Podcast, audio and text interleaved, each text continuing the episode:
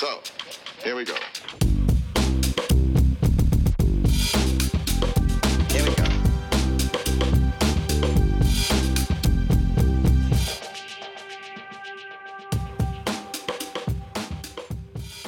Fodboldens udvikling er ved at dele fans op i to lejre. Dem, der elsker topfodbolden, og dem, der elsker det nære fællesskab. Hvordan bruger vi som fans og forbrugere af fodbolden vores viden om spillets økonomiske, etiske og politiske dynamikker?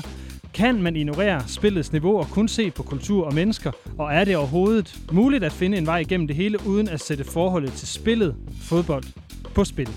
Det er de næste 53 minutter, det vi undersøger her i det kritiske fodboldmagasin på 24-7. Altså, hvordan man kan være fan af fodbolden med den udvikling, den har taget. Dine værter er som altid mig, Lasse Yde Hegnet. Og mig, Jeppe Højberg Sørensen.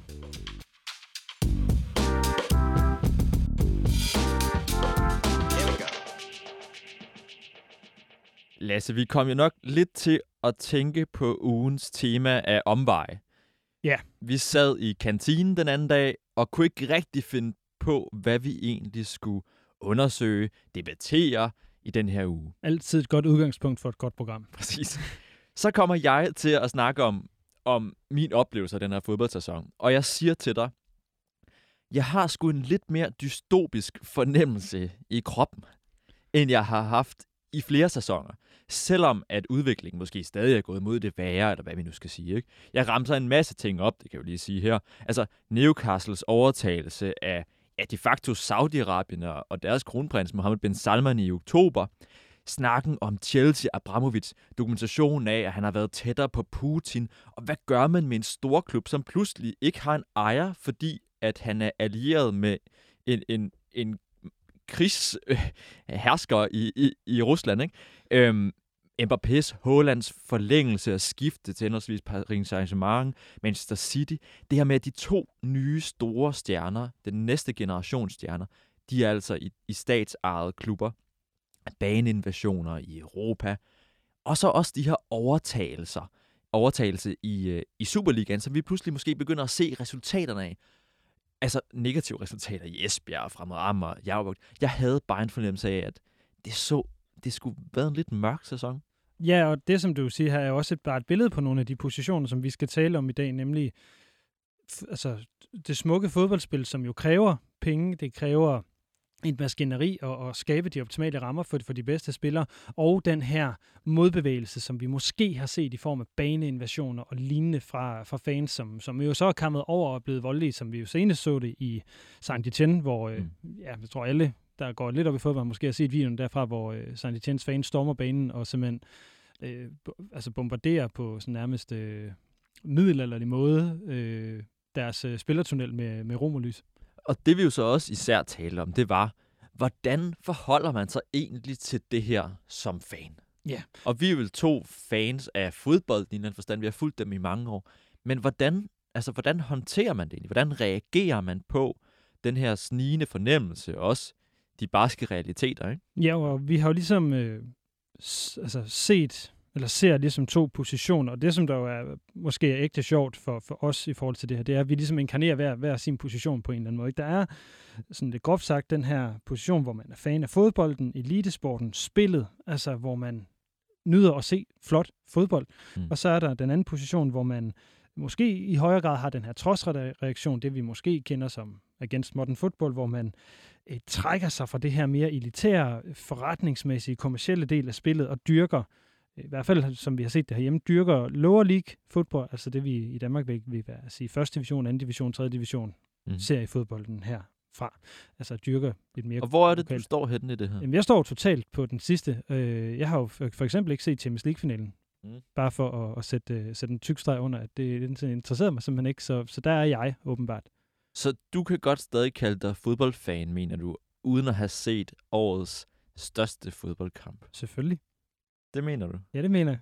Det mener, det mener du så ikke, jeg kan, og det er jo det, der bliver sjovt i den her udsendelse.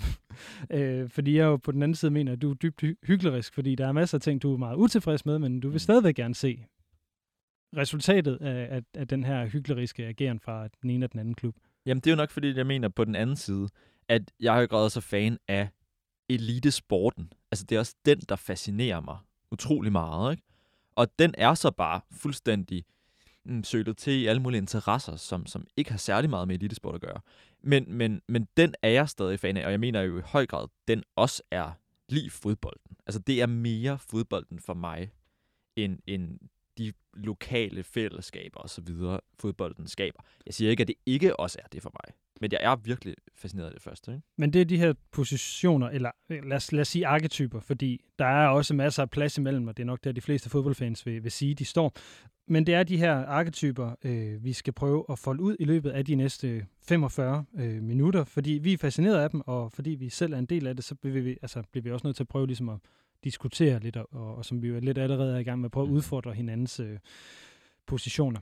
Øhm, og så det ikke kun bliver os, så har vi også inviteret lidt forskellige gæster med. Øh, vi starter, hvad kan vi sige, i min lejr, øh, med det punkt, jeg ligesom står på, sammen med øh, øh, Jonas Willumsen, som er en af dem herhjemme, som har gjort mest, synes jeg, for at fremme lokal fodboldkultur i divisionerne og, og i serierne. Øh, da han har skrevet den her blog, der hedder Noter fra tribunen, med beskrivelser fra det, særligt det københavnske serie- og divisionslandskab, og otte af dem, dem er så udgivet i bogen Bølge eller otte noter fra tribunen. Og vi talte tidligere i dag med øh, Jonas Willumsen, som vi fangede øh, i hans barsel øh, i Nørrebroparken.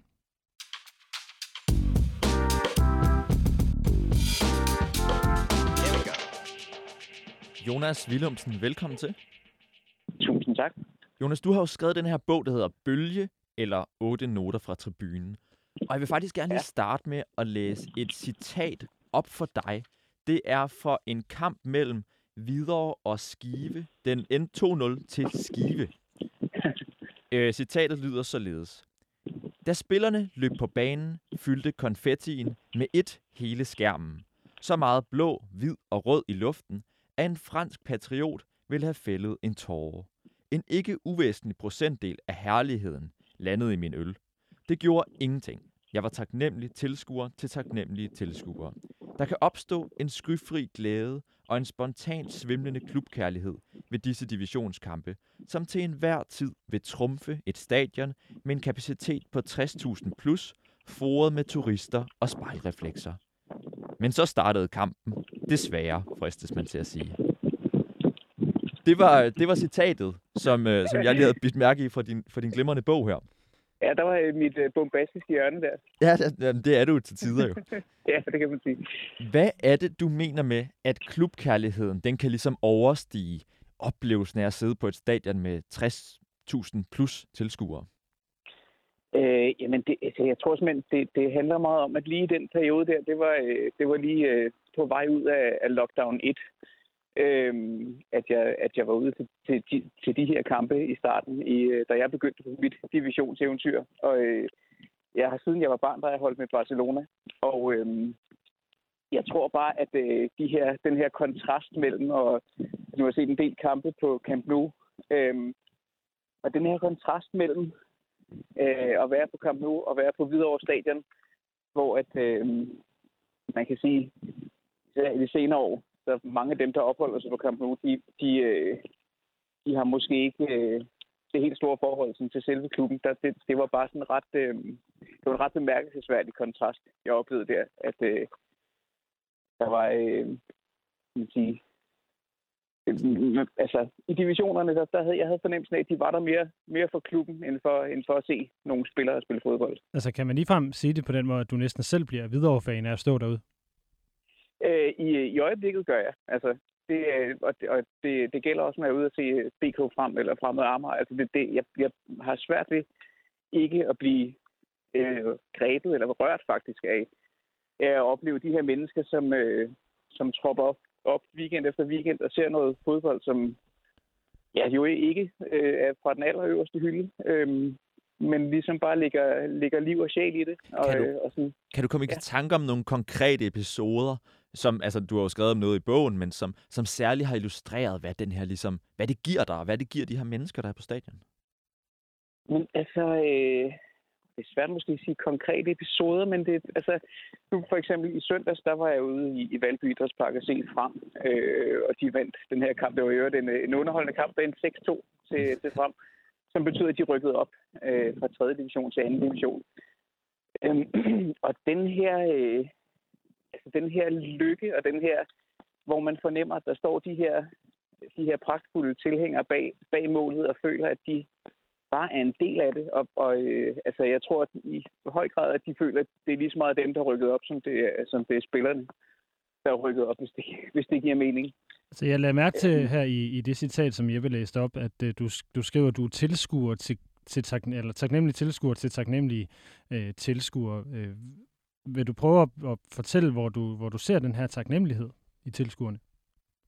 Jamen, det, det er vel i og med, at, øh, at uden at fornærme nogen, så kan man godt sige, at det, der, det, der bliver præsteret på banen, øh, ikke er øh, altså sammenholdt med for eksempel øh, de, her, de her større internationale klubber, så er det jo ikke, øh, det er jo ikke vildt. Øh, men det, jeg, jeg fornemmer bare sådan en, øh, en glæde over at være øh, sluset ind i, i noget. Jeg ved godt, det er lidt fortærsket det her med fodbold og fællesskab og sådan noget, men, men jeg synes bare, der er noget om det. Altså, og jeg, jeg kan bare fornemme, at, øh, at mange folk, de, de føler, at de hører til, øh, når de er ude at se de her klubber, og de, de føler sig som, øh, ja, som en lille del af en, af en større helhed.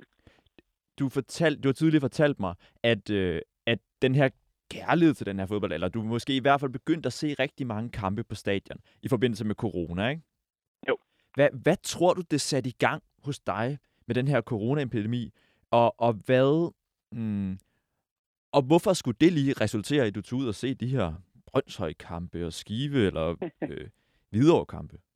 Jamen, altså, det var ret, øh, det var ret bemærkelsesværdigt, fordi under, lige da corona øh, ramte, der øh, ligesom så mange andre følte, at det var en enorm underlig og en enorm øh, utryg situation, hvor der ligesom ikke var noget gelænder, man kunne, øh, man kunne klamre sig til, fordi det var, der var bare ingen, der rigtig vidste, hvad pokker det her det, det, skulle, øh, det skulle ende i.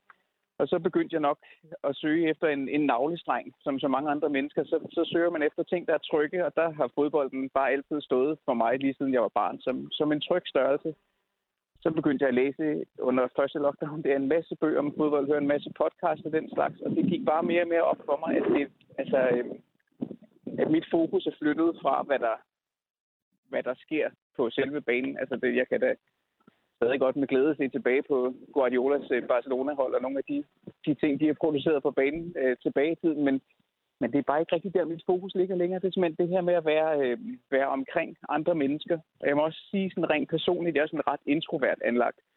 Og rent personligt, der er det bare den, en vidunderlig måde for mig at være omkring andre mennesker, men hvor jeg sådan kan væve lidt ind, ind og ud af det, øh, som det, som det lige passer mig. Kan, kan du sætte her... lidt, uh, undskyld Jonas, men kan du sætte lidt flere ord på det? Det synes jeg er rigtig interessant. Jamen det, det er bare som om, der er, der er den her øh, der er den her mulighed for at troppe op på et stadion, og så ligesom være en del af det i den, øh, hvad skal man sige, med det man nu hver især har bydet ind med. så er der nogen, som, øh, som elsker at stå og råbe og synge, øh, synge sange, nogle gange nogle meget opfindsomme sange. Så er der andre som mig, der godt kan lide at stå øh, lidt i, øh, i udkanten af det hele, og lidt føle mig som en del af det, og lidt, lidt øh, som, som tilskuer til tilskuerne. Ikke? Øhm, der, og der er bare så mange, øh, jeg synes bare, der er så... Øh, øh, hvad skal man sige, der, der er så, øh, så mange muligheder for, hvilken måde man kan deltage i de her fællesskaber på, og man kan gøre det på den måde, der lige passer til en selv, oplever jeg. Noget af det, som, som Lasse og jeg har undret os over, det er jo ligesom, om det her også er en måde at udtrykke sin, ja, dels respekt over for alle de mennesker, der er i divisionerne, serierne og, og spillere osv., men er det også en måde for dig at vise din, hvad kan man sige, utilfredshed over for topfodbolden? Ja, ja, det er det til dels. Altså, det er ikke sådan, at så jeg sådan, når jeg, når jeg sadler op og gør klar til at cykle til, til Brøndshøj, føler at det sådan er en, en, øh, en demonstrativ øh, ting, jeg gør. Men, mm. men jeg bliver da mere og mere bevidst om, at øh, jeg synes, der sådan er en top i fodbolden, der er knækket af, som jeg ikke længere kan... Jeg kan simpelthen ikke mærke den længere, og jeg, jeg øh, føles underligt, det her med at holde med, med Barcelona, siden Laudrup spillede der, og nu, altså, øh, simpelthen, jeg bliver efterhånden, altså, apatisk i forhold til det. Jeg kan ikke rigtig mærke det, og der har det bare givet mig noget tilbage, at jeg har tilfældigvis har snublet over det her øh, med at se, øh, se fodbold i de lavere rækker. At det, der, øh, der, der er bare noget af den sådan, noget uforfalsket over det for mig, som, øh, som jeg rigtig godt kan bruge. Det sidste spørgsmål, vi så har, Jonas, det er, øh, som jeg også lige beder mærke i citatet, det her med, at så startede kampen desværre. Altså, der er noget omkring det her med niveauet, øh, Ja. som, som du egentlig også har vendt tilbage til mange gange. Hvorfor er det attraktivt for dig at se dårlig fodbold? Øhm, jamen, jeg skal være ærlig og sige, at det er også, øh, altså, når jeg kommer hjem efter sådan en kamp, og specielt hvis det er en af dem, jeg har sat, mig for at skrive om, så, så er det ikke meget fra selve fodboldkampen, jeg husker. Altså, det er, det er mere indtryk fra, øh, fra tilskuerrækkerne. Øhm, så, altså, men igen, der er også bare noget over det her med, med to hold og en fodbold, som øh, det, det rammer noget hos mig, men det, det, men det er ikke, øh, altså, det er egentlig underordnet for mig, om kvaliteten af, af fodbolden er, er oppe at ringe. Ikke? Jonas Willumsen, forfatter til Bølge eller 8 noter fra tribunen. Og i dag gående rundt i Nørrebroparken med en lille halvsyg søn. Mange Ja. tak, fordi du fandt dig tid til at være med her. Det var så lidt.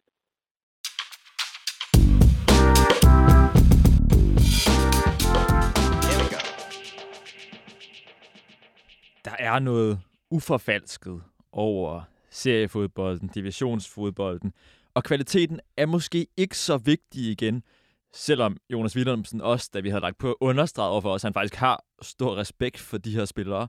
Og vi ved, jeg har også spillet fodbold, jeg ved godt, det her det er nogle af de aller, aller, aller bedste, som bare ikke lige nåede det allerøverste niveau. Men man er rigtig dygtig, hvis man spiller i anden division også.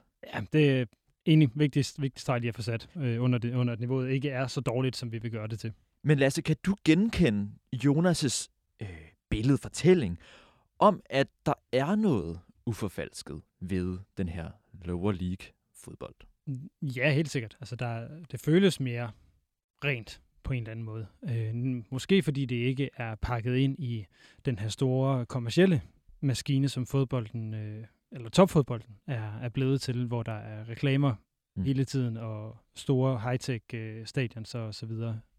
Vi vil gerne lige bruge de næste minutter, før vi får endnu en gæst med os, til at, at jeg måske skal prøve at forstå den her position lidt bedre. Det er jo ikke, fordi jeg ikke forstår, hvad der er i spillet, men, men jeg føler den nok ikke helt selv. Og jeg vil starte med at spørge dig, Lasse, som repræsentanter, som på en eller anden- på en eller anden måde til at ligge i forlængelse af de ting, Jonas Willumsen han sagde. Altså, hvornår begynder du at interessere dig for fodbold? Nu skruer vi helt tilbage til Adam og Eva. Jo, men jeg har jo været en øh, 3-4-5 år, Mm-hmm. øh, hvor jeg begynd, min far begynder at have mig med på stadion første gang, og jeg kan sådan særligt huske øh, meget specifikt det her med at være seks år, og Brøndby var kommet i Champions League, den her sindssyge gruppe med United, Barcelona og Bayern München, øh, hvor jeg jo, jo ikke måtte blive op og se de her kampe, men at min far havde optaget dem til mig på VHS-bånd, så jeg kunne se, øh, hvad hedder det, United slå øh, Brøndby 6-2 på, Mm. øh, inde i parken, som de spillede i dengang. Det var stort. Så, så det er der, jeg starter med at, at se fodbold. Og har du en eller anden... Øh, altså, er det mest den lokale, du er fra, fra Aalborg-egnen? Er det mest AB, eller er det også det internationale, du dengang var det jo også det, det internationale. Der var Mm. det jo altså særligt Champions League. Øh, Jeg kan ikke huske, hvornår det bliver en ting at, at sidde og se øh, La Liga, som min lillebror og jeg gjorde meget i, i som større børn, øh, eller hvornår, og, og teenager, eller, eller hvornår de der Premier League-kampe begynder at blive, blive en del af weekendritualerne. Det, det er det, jeg ikke er helt klar over. Men, men OB har altid været der. Så den lokale stadionoplevelse, Mhm. med andre ord. Og hvornår begynder det så, at... Altså, ja, det er jo næsten utroligt at sige det, når vi står her i et fodboldprogram, og vi har været værter for det i ni måneder.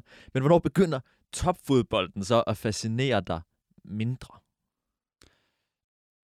Det gør den nok omkring, hvor jeg flytter hjemmefra. Altså sådan, der sker måske et, et skifte omkring det her med at gå fra gymnasiet til at være universitetsstuderende, flytte hjemmefra, og så er det jo så over de der f- første år af 20'erne, hvor altså jeg har set masser af Champions League-finaler og masser af Premier League-kampe op til, at jeg var en, en, en 4-25, og så er det derfra, det sådan er, er gået nedad. Så det er sådan en længere glidende... Ja, det er ikke, det er ikke sådan, jeg har ikke taget en beslutning fra den ene dag til den anden om, at nu er det slut med det. Så er Nej. det, det er slet ikke. Men hvorfor tror du, at du begyndte at få den, den snigende fornemmelse? Altså, det er meget det, som Jonas så siger, det, har været, det var ligesom svært at genkende noget af, af topfodbolden. Øh, Jeg tror også, jeg begyndte at være meget bevidst om, hvad det er for en, en verden, det ligesom er blevet, og det er jo sådan noget af det, der så efterfølgende, synes jeg, er enormt øh, fascinerende, særligt ved, øh, ved Superligaen i, i Danmark, fordi den ligesom ligger sig mellem topfodbolden og det her lower league. Øh, Og det er jo fordi jeg ser fodbolden som hyperkapitalisme Mm. i en tribalistisk verden, som jo er nogle sindssyge modsætninger. Jeg skal nok lige prøve lige at uddybe det, så det giver mening. Men fodbolden, hvis vi skal tale om det hyperkapitalistiske, hyperkapitalistiske er jo et øh, hele tiden ma- ma- ma- hvad hedder det, profitmaksimerende, fordi man skal hele tiden have flere og flere penge for at bevare en, en øh, hvad man sige, den førende konkurrenceposition. Og det betyder jo, at man vokser ud over sit skal vi sige, lokale område. Og det kan superklubber som Manchester United, Barcelona, Real Madrid, Liverpool, det kan de gøre, fordi de har en anden base end FC København, eller Brøndby, eller OB har. Mm. Øh, og det er jo så her, hvor det sjove, det så kommer over i, i, i, det, i det tribalistiske, fordi for en dansk fodboldklub, der udvider grund, kundegrundlaget sig jo ikke. Så hvor er det, pengene skal komme fra til at drive det her værk? Og det, det hænger ikke sammen på et tidspunkt, og så bliver man nødt til at løbe med på markedets, øh, hvad kan vi sige, vilkår. Og fodbolden er jo et totalt ureguleret marked, øh, eller i hvert fald, man kan jo se, Financial Fair Play har jo nok ikke slået så meget igennem, som man kunne ønske. Så fodbolden er stadigvæk et meget ureguleret marked, og det hele handler stadigvæk om, om markedsvilkårene. Dem med flest penge vil altid have de bedste forudsætninger Mm. for at vinde, og det kampolerer jo helt vildt med det her tribalistiske øh, lokale forankring, fordi Noget det giver ikke mening længere. For Noget de det, vi talte om her i forberedelsen, det var, at det er jo ret sjovt, at i USA, der har man med de her store franchises, jeg ved ikke specielt meget om amerikansk sport, men de her franchises, de, de er ikke sådan lokalt forankret. Måske har de været det oprindeligt, men de kan sagtens flytte, så du havde et godt eksempel med... Jamen, det er jo LA Lakers Mm. øh, basketholdet, som kom inden fra central USA et eller andet Mhm. sted, og så flyttede i, i 60'erne, mener jeg. Og det blev folk jo lokalt i den her by, de flyttede fra, jo skide sure over, men Lakers flyttede jo ikke, ikke desto mindre.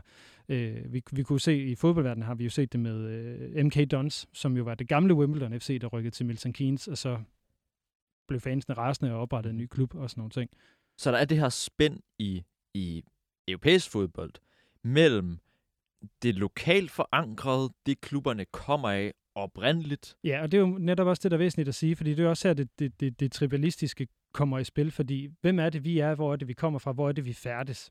Det er jo helt, hele essensen i det, og det er jo også det, fodboldklubberne som koncept er vokset ud af, hvor de moderne superklubber jo, vil nogen jo nok argumentere, ikke længere er så lokalt forankret, fordi mm. de kunne være hvor som helst. United kunne lige så godt spille i Kina, som de kunne spille i, i Manchester.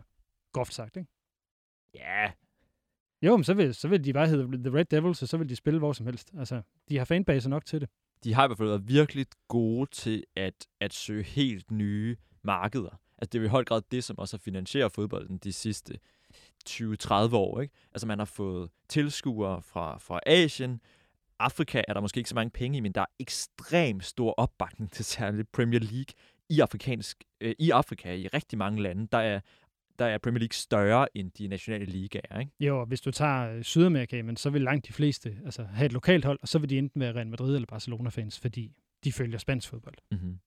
Men noget af det, som jeg jo kommer til at tænke på, noget af det, som jeg måske ikke helt forstår, det er det, som Jonas også siger, at kvaliteten bliver nok lidt underordnet.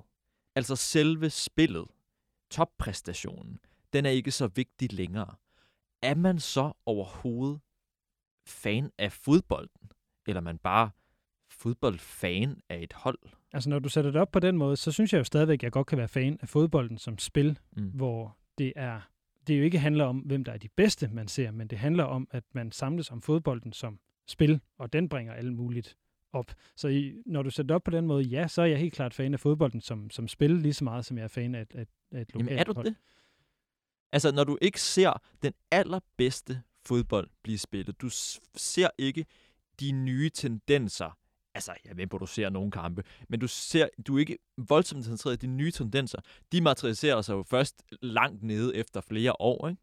Altså sådan, er det ikke også en del af fascinationen af fodbold, at man følger med der, hvor det nye sker? Altså, fordi det også er inkarnationen af eliteidræt. At man hele tiden prøver at presse sig til max udfoldelsen, ikke? Er det ikke også det, der er fascinerende ved, ved, ved fodbolden? Det vil, der, det vil nogen jo sikkert sige, og jeg kan også godt forstå, at nogen synes, det er fascinerende. Det er bare ikke længere det, jeg synes, der er interessant. Altså, jeg, jeg, nu bed jeg jo særligt mærke, det Jonas skrev om at være taknemmelig tilskuer til taknemmelige tilskuere, og Mm. mm. det må jeg indrømme, det kan jeg virkelig godt lide at komme og mærke og se mennesker. Øh, og når jeg selv er, er, er ude at se kampe, nu tænker jeg så specifikt på det her med at være, være OB-fan, jamen der står jeg jo på øh, endetribunen, og er, det er vigtigere for mig at være en del af massen og råbe og synge og hoppe og klappe, Mm. end det egentlig er at se kampen. Så, så på den måde kan du godt sige, at, at jeg er mindre fan af spillet, end, end jeg har været. Prøv at fortælle lidt om, hvad du, du har tidligere fortalt mig, hvordan det er, du ser på din egen rolle til en fodboldkamp. Det står i så skærende kontrast til, til hvordan jeg opfatter mig selv, men Ja, det er jo måske også det, der har åbnet vores snak om det her. Men jeg ser jo grundlæggende min rolle, når jeg kommer til en kamp på stadion, som at, øh, at jeg skal spille kampen lige så vel som spillerne skal. Jeg skal bare gøre det på tribunen. Så det vil sige, at jeg skal larme så meget som muligt. Jeg skal altså være med i den rytme, den kultur, lad os sige, der er der. Øh, og så håbe, at det ligesom er med til at, at skubbe, øh, skubbe holdet frem. Altså, jeg, jeg er også træt, når jeg kommer hjem fra en fodboldkamp, fordi jeg har stået og råbt og klappet og hoppet. du Som har regel. spillet din egen kamp. Ja, det kan man sige. Altså, det er jo, man, man kan jo sådan lidt øh, romantisk sige, at jeg havde ikke øh, evnerne som fodboldspiller til at være på banen, men så kan jeg jo stadigvæk godt tage en OB-trøje på med mit navn på ryggen, og så gå ind og være en del af holdet på tribunen. Når vi nu taler om det her med, med hvordan man reagerer på moderne fodboldsudvikling, og det bliver, man kommer jo til at lave nogle stråmænd omkring, hvad den udvikling er og alt muligt. Men vi kan godt blive enige om, at der er store stater, som involverer sig, som ikke har den bedste track record, når vi taler menneskerettigheder. Der er nogle firmaer, hvor det er meget svært at gennemskue, øh, om deres adfærd er etisk korrekt. Her taler vi også om ejerskaberne i Superligaen, første division osv. Ikke? Ja. Øhm, Og det er jo også noget af det, der har gjort det svært i øvrigt. Altså nu, hvor, hvor der er kommet udlandske ejerskaber Mm. ned igennem første division og anden division, så, så hvad er det, man holder med? mm-hmm. Så det, det, den, den kan jeg sagtens følge, og det er også blevet sværere.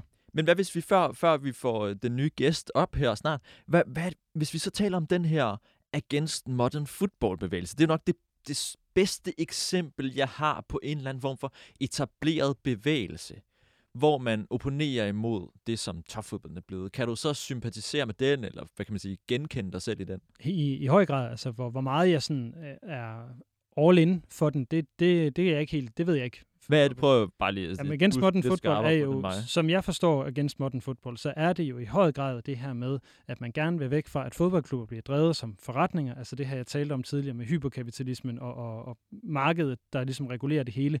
Man skal tilbage til, at det er en lokal fodboldklub med, altså jeg tror ideelt set med lokale spillere, med lokale fans. Mm. Øh, det er det, man drømmer om, som jo er en, en meget reaktionær øh, hvad kan vi sige, bevægelse i forhold til det, fodbolden er blevet i dag. Ja, og det er ikke også en reaktionær bevægelse i forhold til alt, hvad samfundet er blevet i dag? Jo, det er det. Det er jo, det er jo, en, det er jo, det er, jo- på mange måder det er jo en, en, en bevægelse, som er bange for, for, det, for den moderne verden, mm. eller som har svært ved at finde sin plads eller genkende noget i den.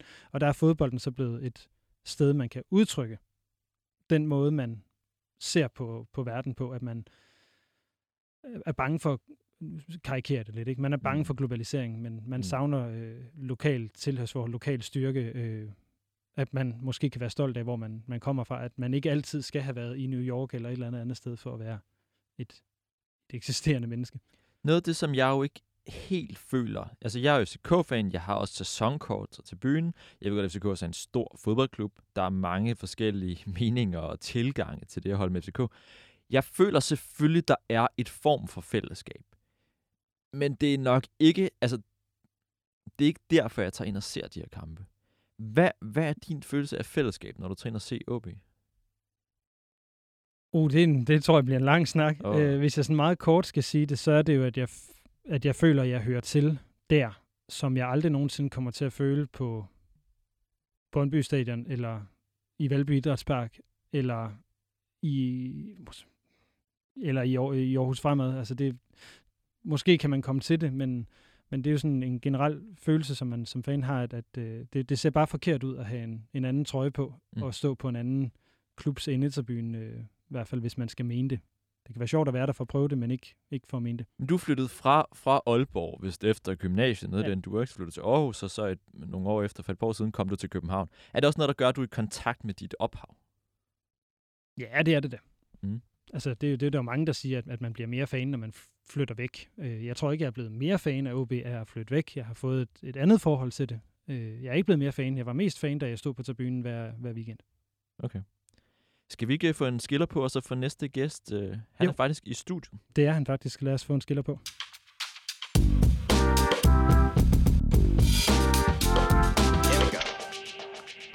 Så øh, kan vi byde velkommen til øh, Michael Kjær, der har siddet over i hjørnet og lyttet og kigget på os øh, her den, øh, den sidste halve time. Michael, du er øh, ungdomstræner i B93, og øh, man kan sige, du står måske lidt på den anden gren, end jeg gør, eller det, som Jonas gør. Så, så vil du ikke starte med lige at fortælle, hvorfor ser du fodbold? Jo, det er jo et, øh, altså det er jo et stort, stort og grundlæggende spørgsmål. Øh, men, øh, men jeg har ligesom jer to også set, øh, set fodbold fra jeg var helt lille. Øh, og, øh, og det, jeg har jo spillet fodbold også. Jeg er fascineret af sportsgrenen. Øh, så det tror jeg, det tror jeg sådan er det enkle svar. Altså, jeg synes, det er et fantastisk spil. Øh, egentlig, egentlig relativt simpelt. Det handler om at, øh, at skulle putte en bold ind i et mål. Det er der, det er der 22 spillere, der løber rundt og prøver på.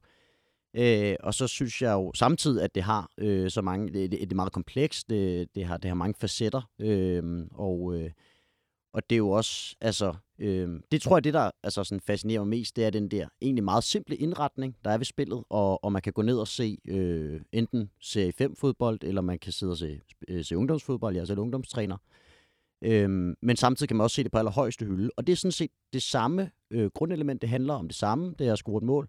Øh, men, øh, men det kan også blive spillet på så vidt forskellige måder, at, øh, at det synes jeg også har en, har en, øh, har en fascinationskraft. Bare for lige at forstå din fascinationskraft, kan du så fortælle mig, hvad du blandt andet lavede, da landet lukkede ned, og, og du skulle have tiden til at gå, som vi vist alle sammen skulle. Jeg kan huske noget om, du, du sad og så nogle kampe fra 80'erne og 60'erne. Ja.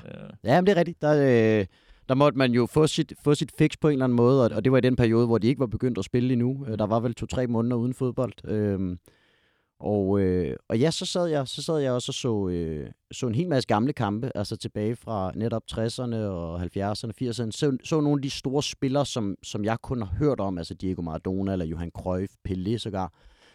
Øhm, og ligesom gik tilbage og så, hvad, hvad var fodboldens rødder dengang? Hvad var det, du gerne vil tilbage til, Lasse, eksempelvis? Øhm, og, øh, og det var jo, det jeg synes, der var det fascinerende også ved at se det, det var, jamen, det var jo i store træk meget det samme. Det var stadigvæk det samme, det handlede om.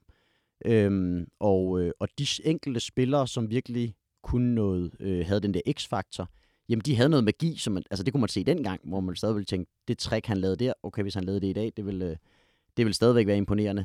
Øhm, så det synes jeg var altså også enormt fascinerende at se, hvad er, det, hvad, hvad er det fodbold, der er kommet fra? Hvad var spillet egentlig helt oprindeligt? Hvor er vi henne i dag? Der er selvfølgelig sket en markant udvikling på alle mulige forskellige områder, både det taktiske, det fysiske, øhm, det Men- tekniske, men... Øh, Lad mig lige prøve at spørge på en anden måde. Sådan, når du nu, hvis vi ser bort fra din, øh, din corona-interesse her, øh, hvis du ser, eller når du ser fodbold i dag, hvor, hvilken fodbold ser du? Er det, og nu, nu smider jeg bare nogle ting ind, så må du bare gerne gribe. Er det anden division? Er det Champions League? Er det kun på tv? Eller er det live? Hvordan, hvordan forbruger du fodbold som ser? Jeg tror, jeg er som de fleste også, at, øh, og det tror jeg egentlig også, nu siger I, at, at I, I sådan karakteriserer to arketyper Mm. i en eller anden grad. Øh, jeg tror, at de fleste elsker at se live fodbold Altså på stadion. på stadion. Altså se, netop, se det på stadion, se hvor det rent faktisk, altså det, det, Men hvad ser du så? Er det Superliga eller anden division? Øh, og det, det har mest været anden, anden division, første division. Og det kan jeg stadigvæk godt gå ned og, og nyde og sidde og se, og jeg kan nyde det på samme måde, som, som det du også beskriver, Lasse, øhm,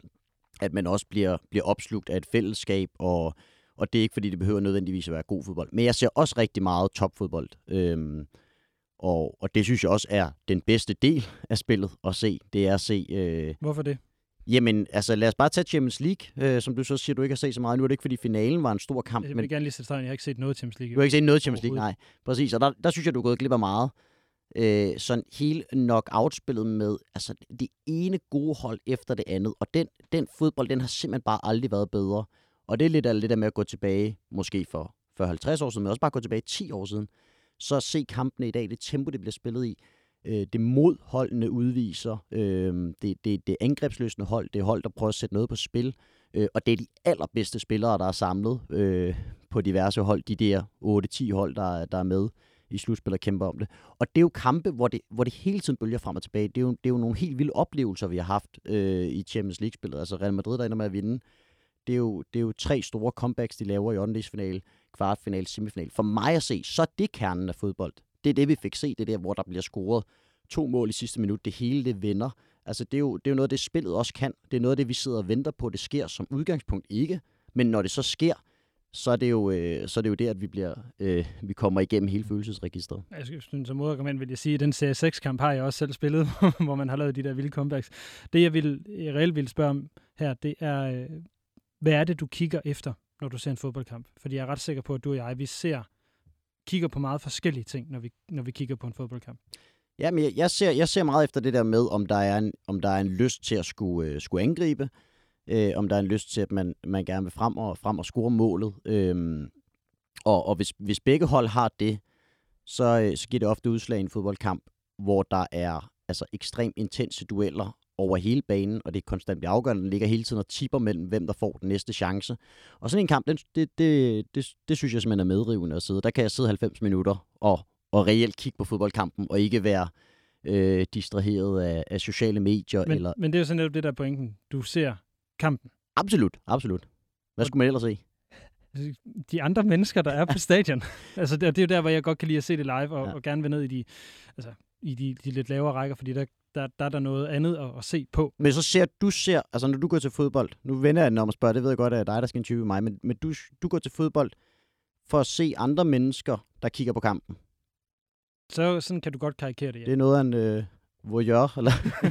Nå, men det er jo, jeg, jeg kan virkelig genkende mig selv, det Jonas Williamson skrev og sagde det her om at være taknemmelig tilskuer til taknemmelige tilskuer. Altså den, det der rum, som fodbolden er til at se på andre mennesker, og det der med på den måde at finde ud af, jamen, hvem er man i Valby, hvem er man Mm. mm. på Østerbro stadion, hvem er man i det nordlige Aarhus, eller hvem er man i, i Vejgaard, eller et eller andet. Det, det, det synes jeg er interessant. Men, Og- men det synes jeg jo også, altså det, det er jo igen den der med ikke at gøre det helt sort for det synes jeg jo også at komme ud og så se de forskellige fodboldkulturer, og hvordan fodbolden øh, og, og den fodboldklub, øh, de her fans nu støtter, også er et produkt af omgivelserne. Og det er, jo, det er jo det helt fantastiske ved fodbold. Det er, der er en måde, vi også går til fodbold på i Danmark.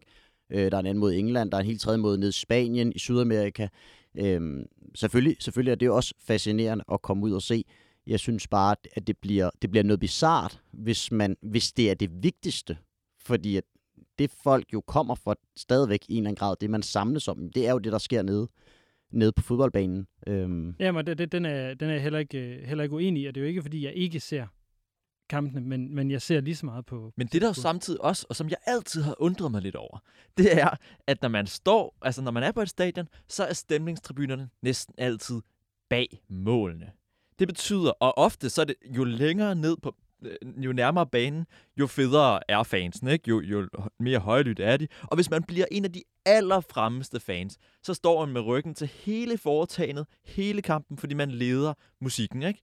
Eller råbne, hvad vi kalder det. Og det er jo også lidt den, den hat, du har på. Altså, jeg ved godt, du ikke er den, der står og dirigerer på, på Aalborg Stadion. Men, men ikke desto mindre. Man er meget langt væk fra at kunne se noget som helst af betydning, når man står på de der pladser. Ja, det er rigtigt. Og jeg forstår ikke, at dem, som i virkeligheden, som, som man måske tænker, er de allermest interesserede i fodbold, i virkeligheden er dem, der har allermindst brug for at se selve kampen. nu, nu du bliver det igen en, karik- en karikering, fordi Mm. jeg tror egentlig, at der er noget, du tager fejl i her. At det ikke nødvendigvis det vigtigste er ikke at se kampen, når du står nede på den der tribune. Der er det vigtigste øh, at fokusere på den kultur, man har på en tribune, og på at støtte det der hold, man, man nu engang står der for at støtte. Og det bliver meget eks- øh, ekskluderende. Altså man kan jo også sige, at det som Jonas, øh, hvis skal være lidt, lidt ond mod ham, der er han jo også, ligesom jeg selv vil være, hvis jeg tager ud og ser, ser kampe andre steder, så er han jo også en turist, ligesom det, som alle andre i, i Against Modern Football-bevægelsen hader, det er dem der, der sidder med deres spejlerflex-kamera op på tribunen.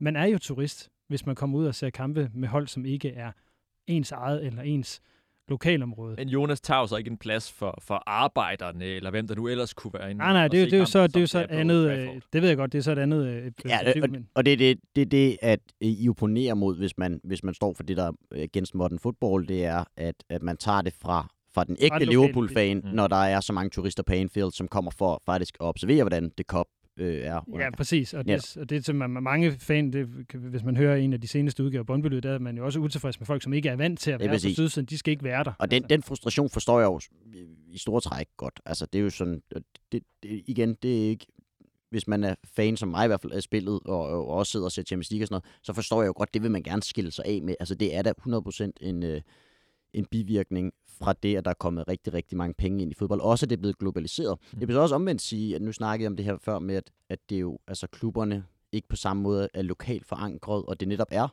blevet globalt. Øhm, som jo mister noget af den, af den lokale værdi så, for, for mange af storklubberne i hvert fald, og Manchester United, at at de måske i lige så høj grad kunne spille i, i Kina eller alle mulige andre steder i verden. Øhm, der, jeg, jo- altså jeg blev fan af Real Madrid, øh, som meget, meget lille, og, og havde ikke sådan et, et tæt forhold. Jeg var, jeg var også lidt Brøndby-fan og sådan noget, men havde ikke det lokale hold, jeg gik ned og støttede. Øh, det var Real Madrid, jeg var fascineret. Men det jeg, det, jeg også var fan af, kan jeg huske, det var jo det der med, det her det er jo et globalt fænomen. Her, der finder jeg faktisk lighedspunkter med nogle mennesker, som jeg intet ellers har til fælles med. Mm. Altså, det er nede i Asien, det er nede i Afrika, det er i Sydamerika. Det samler stadigvæk øh, den her kærlighed til en klub. Altså en kærlighed, der ligger ud over mig selv, men som ligger øh, nede i Madrid så. Øhm, og det, øh, det synes jeg jo også bare, det skal man jo ikke glemme, at selvfølgelig mister man måske noget, men, men det der globale fællesskab, der var i stedet, altså det er jo, det er jo stærkt på en anden måde. Mm-hmm. Øhm.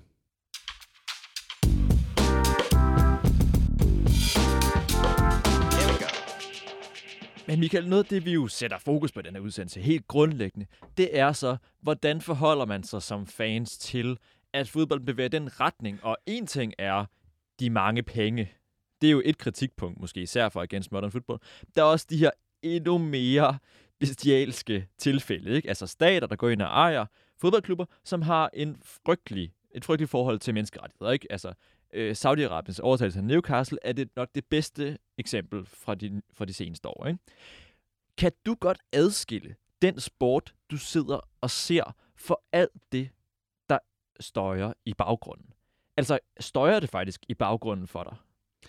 Øhm, det kan jeg godt, og jeg ved godt, at man hurtigt kan blive anklaget for så at have, øh, have en, øh, en, øh, en moralsk øh, ryggrad som en regnorm. Altså, sådan, at det, et, det er klart, at, at det burde man jo, og det synes jeg også, det, det er jo, der har Lasse også en god pointe, når han siger, at I sidder og sidder, ser det her fodbold, selvom I kender til øh, de problemstillinger, der ligger bag, og, øh, og, og det burde man jo på en eller anden måde tage et opgør med, og hvordan gør man det, og det er svært sådan noget.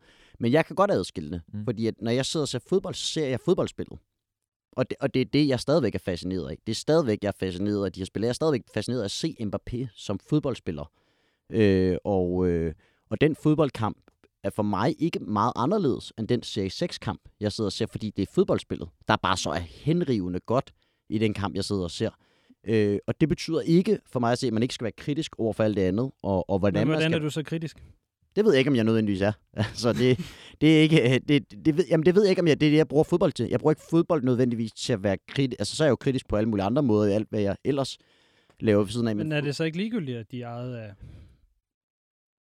Øh, nej, det, det, det, jamen, det synes jeg jo ikke, det er. Øh, men jeg, jeg synes, det er rigtigt, man rammer, rammer ind i en problemstilling her. Det kan du også godt høre. Jeg, jeg står i et dilemma, som er, som er svært at forsvare. For mig er fodbold jo et frirum til at sidde og se et fodboldspil. At det så samtidig bliver overtaget af, af nogle diktaturer og sådan noget. Det, Det gør det, det, det, gør det, det gør det enormt svært. frirumsargumentet? Er det ikke noget, man kunne bruge i en tid, hvor at tingene i langt højere grad var adskilt? Er frirumsargumentet ikke netop det, som gør, at de her stater, og hvem der nu ellers involverer sig, får succes med deres mission? Fordi vi bare sidder der, mig selv inklusiv, som, som passive jagttager af det her kunstværk, og vi er fuldstændig ligeglade med kunstneren bag. Mm. Jo, det, det, er, det er det jo i en eller anden grad, det synes jeg. Øh, jeg synes jo stadigvæk, bare lige for at holde fast i det andet, så øh, Manchester City vinder mesterskabet. De scorer, øh, de scorer to-tre mål de sidste, sidste 20 minutter. Øh, og de fans, og det kan godt være, der var nogle turister der iblandt eller sådan noget, men den eufori, den, den sådan fuldstændig ekstatiske lykke, som de her mennesker oplever, det er jo også noget af det, som giver noget til mig i hvert fald, at man så bliver revet med. Det kan fodbolden stadigvæk. Hvad der så ligger bagved, det skal man på en eller anden måde forholde sig kritisk til. Og det synes jeg er spændende nok at tage med. Jeg synes, man må ikke glemme, at det der, det er jo egentlig, altså, det er jo egentlig de følelser, som er grunden til, at vi også måske i første omgang er blevet fascineret af spillet, øh, at vi sidder og ser det, øh, og, og i sidste ende, og det er, ikke, det er ikke for at skulle forsvare det her, men i sidste ende, så er det jo noget af det, som diktaturstater i Katar eller Saudi-Arabien eller sådan noget, det er jo det, de gerne vil have. Det er jo den kultur. Men den kultur har vi her, og for mig at se, kommer de ikke, altså, jeg kan ikke helt altid se, hvordan de intervenerer, når, når det står på, når Manchester City vinder det mesterskab, og der er mennesker, der er glade. Altså, så er det klart, at de er med til at finansiere gildet, og hvordan skal vi Men, tage et opgør med det? Men Og det, det, det der var, var mit problem jo. Så kommer, hvis jeg, hvis jeg skal gå ind og, Ja, ja. og for, for at lægge mit personlige holdning på, på banen. Fordi det er jo så der, hvor jeg tænker, at, at vi jo er fodboldforbrugere, så lige så meget som vi er fans, som det så er fællesskabet, eller om det er spillet. Det kan vi jo, det kan vi jo meget aktivt vælge at støtte eller ikke støtte. Og nu ved jeg ikke, om du har en Viaplay-konto eller noget andet til at, at se de her kampe. Jeg har personligt ikke. Hvilket jo så også gør, at det er enormt svært for mig at se nogle Superliga-kampe. Og det er jo sådan lidt en protest af, jamen, hvorfor skal jeg have to eller tre streamingtjenester for at se det hold, det bare egentlig holder med at spille. Det synes jeg er fjollet, øh, og at jeg ikke kan gennemskue de her kæder af, hvor er det pengene, de ender henne. Så på den måde er det nemmest for mig at være aktiv forbruger, så stille mig uden for at sige, så køber jeg bare direkte af min klub, hvis jeg skal have en trøje, eller et sæsonkort, eller en pølse, eller en øl på stadion. Mm. Og så må jeg trække mig ud af det andet. Og det, det er ikke, det, nu lyder det mere bevidst, end det er. Ja. Men, men det er jo en måde, man kan gøre det på. Helt sikkert. Og, øh, og igen, jeg, jeg tror, at, øh, at der, hvor man i hvert fald skal hen, hvis det er, det er jo hele tiden at, at stille, stille spørgsmål til, øh, til både sportsudøverne og ejerne og sådan noget med, der er øh, en kritisk journalistik, som, som I jo også bedriver her. Øh, og fansene, selvfølgelig har fansene også i en eller anden grad et ansvar, mm. men, men det er jo også bare fodbolden, som altså, vi selvfølgelig er forbrugere af på en eller anden måde, men det er også noget, vi elsker. Det er jo ikke, fordi vi går ned og altså, bare køber det som en, jo, det kan godt være, at man køber som en Netflix-konto, eller sådan, men det er, jo, det er jo noget, som, som vi i en eller anden grad elsker, og, og det bliver så måske taget fra os. Hvordan skal man, skal man gøre op med det? Jeg tror at det er noget med, at, at, at der er der er i hvert fald noget med at stille, stille træner til ansvar. Nu ved jeg, at Newcastles træner, øh, som jeg ikke lige kan huske navnet på Eddie nu, Howe. Eddie Howe Ja. for eksempel, er blevet nærmest øh, spurgt konsekvent efter hver eneste kamp her i slutningen af sæsonen, om hvad han siger til, at der er 76 mennesker, der har fået hugget hovedet af nede i, øh, nede i Saudi-Arabien. Mm-hmm. Og det er jo enormt svært for ham, når han skal sidde og forsvare et point, han lige har fået på Stamford Bridge, øh, til at blive stillet det spørgsmål. Og, og når det kommer ind i fodbolden, så tror jeg, at vi begynder, måske så småt, det kan godt være, at jeg, jeg er alt for optimistisk i forhold til det, det er jeg sikkert, men der begynder vi i hvert fald at stille, øh, stille spørgsmål om, hvad er konsekvenserne af, af det her ejerskab. Øhm, Jeg havde jo en tese, som jeg præsenterede jer kort for, før vi gik på. Lad os prøve at udfolde den. Det var, at fodbolden mangler sin Greta Thunberg. Mm. Fodbolden mangler, og det er jo selvfølgelig meget polemisk udtrykt, fodbolden mangler en person, som inkarnerer det, som man gerne vil have, som står i kontrast til det, der er. Altså, der er, så er der den her bevægelse og lower league-fodbolden, men jeg føler ikke rigtigt, at den bevægelse er stærk nok til at omvende den her gigantiske, det her gi- gigantiske godstog, som topfodbolden er. Men jeg føler, der mangler en person, som indenstand også måske er indefra, dermed er det ikke så Greta Thunbergsk, men som siger, som siger fra. Fordi så tror jeg faktisk godt, at der kunne være en ret stor gruppe af fans, som kunne mobiliseres. Hvis man ser, hvis Haaland faktisk havde sagt, selvfølgelig tager jeg ikke til Manchester City. Altså, jeg kan tage til, til, til Real Madrid, og så kan jeg gøre dem til den bedste klub i verden. Uden at de er direkte finansieret af, af en golfstat, ikke? mm. Det, det tror jeg vil gå et andet det ikke have gjort noget? Jeg tror, jeg ville have gået et andet sted hen egentlig, og så tage en, den, den fodboldsverdens klassiske prylknappe efterhånden. Hvis Lionel Messi nu var taget til Napoli, Mm. eller var taget Mm. til, til Neville's Old Boys, eller hvad det, hvad det nu var i stedet for PSG, så havde der måske været noget om det. Nu blev det bare Men der er også et sådan, ærkebillede på, på, på alt det, der var Men galt. måske det er også det, der jeg har noget imod i forhold til Against Modern Football. Det er, at de tager elitesportselementet ud af ligningen. Altså, jeg forstår godt, altså Messi er udelukkende drevet af at vinde fodboldkampe. Det er derfor, jeg synes, han er genial. Altså, det er derfor, han er genial. Det er derfor, vi er fascineret af ham. Ingen andre, især, altså, især ikke mig, kunne finde ud af at være underlagt det pres, og, og ikke, selv, ikke mindst lægge det på mig selv. Mm. Det er så fascinerende. Og det kan han ikke vinde, hvis han er i Neville's. Men måske kunne Haaland faktisk godt have vundet, selvom han var i Real Madrid. Altså, så havde han forandret noget. Det havde ikke været så stort et offer for ham at gøre det. Men jeg er med på chancen for at vinde noget større under Pep Guardiola i, i City. Ikke? Jeg synes bare, det er en spændende tanke, Mm. og vi mangler den her ene figur. Det er tit det, oprørsbevægelser samler sig omkring. Ikke? En figur, Lasse, det ved du om noget. Ikke? Altså, du, er, du er Cuba-entusiast Ja, ja. ja. af, af, om nogen, ikke? altså Che Guevara. Øh, så mangler vi ikke den der figur? Er det ikke noget af det, der kunne gøre en forskel? Altså indtil videre har vi jo, vi har jo ikke set en figur, der ligesom inkarnerer det, vi gerne vil have, men vi har jo set flere og flere eksempler på det, vi ikke vil have. Og mm. det er Mm. jo også det, der er sket, hvor- altså, at, at fodboldverdenen jo er gradvist blevet mindre og mindre tiltalende. Jeg tror, European Super League sidste år var øh, det, det bedste eksempel på det, vi ikke vil have. Og den mobilisering, man så ude omkring blandt fans, jo var et billede på, vi vil faktisk ikke hen og have den her lukkede, øh, Mm. mm. hyperkommercielle liga. Vi vil faktisk gerne have fodboldens organiske system, hvor det ultimativt kunne være øh, BK Frem, der om fem år spillede Champions League-final, fordi de bare havde samlet det rigtige hold. Mm. Det er den drøm, fodbolden jo også skal have. Mm. Så hvis der kommer nogen, som kan gå i den vej, eller, eller vise den vej, øh, uden at det bliver et, øh, fordi at øh, topfodbolden gør noget andet, så, så ja, måske. Michael, kan du se en eller anden form for forandring for dig? Mm, altså det, for det første er jeg ikke sikker på, at jeg er den rigtige til at spørge om det, fordi Nej, det du er jo... fan som alle andre. Ja, ja, selvfølgelig er det, øh, og, øh, og jeg er ikke, jeg, ja, det, det synes jeg er godt nok svært, fordi at jeg synes jo også, at noget af det, som du nævner med Holland eller Mbappé, det der, det der gør rigtig ondt på mig også, det er ikke fordi, at det er hele tiden den her, der er svært, for nu snakker vi fodbold, men snakker vi om Saudi-Arabien og Katar og sådan noget, det vil vi alle sammen gerne tage afstand fra, så kan vi overhovedet snakke fodbold længere. Mm. Det, Mhm. det skal vi også, altså, det synes jeg i hvert fald gør det svært, det her, fordi det er jo, det er noget, der betyder meget for, for os fans også, og, og, og, og der er jo en måde, som er at sige, at vi boykotter bare det hele. Øhm, og, og det kan sagtens være, at det er den rigtige løsning.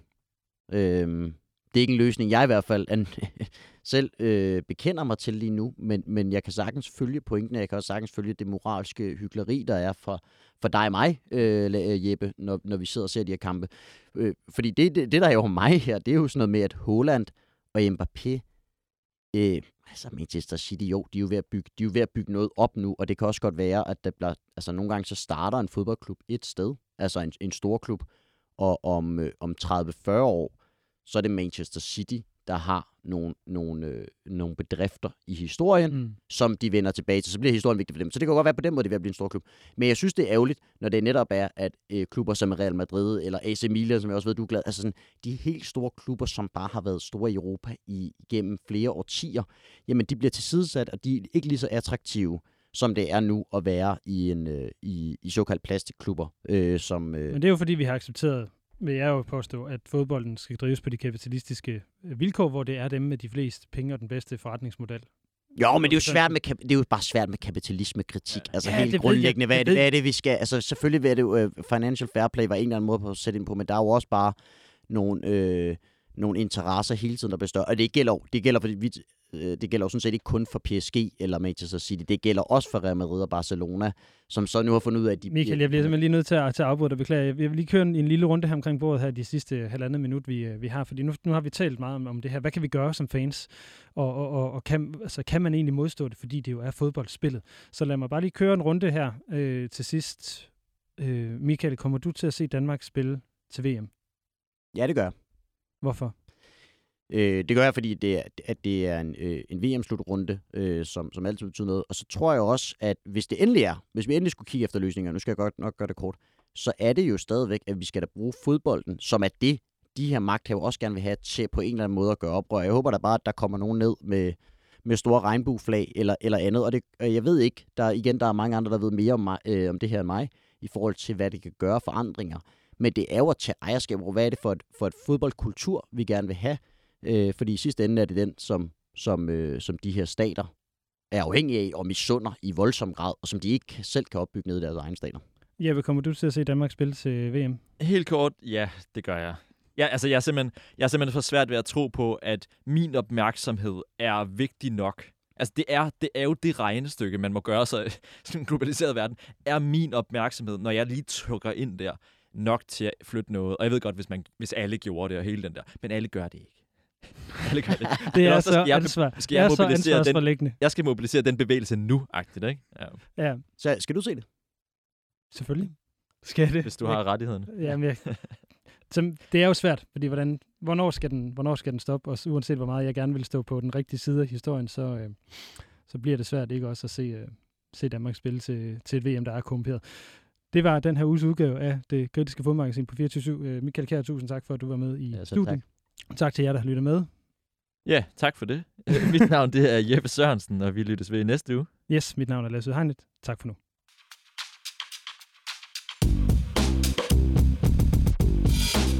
Just stop.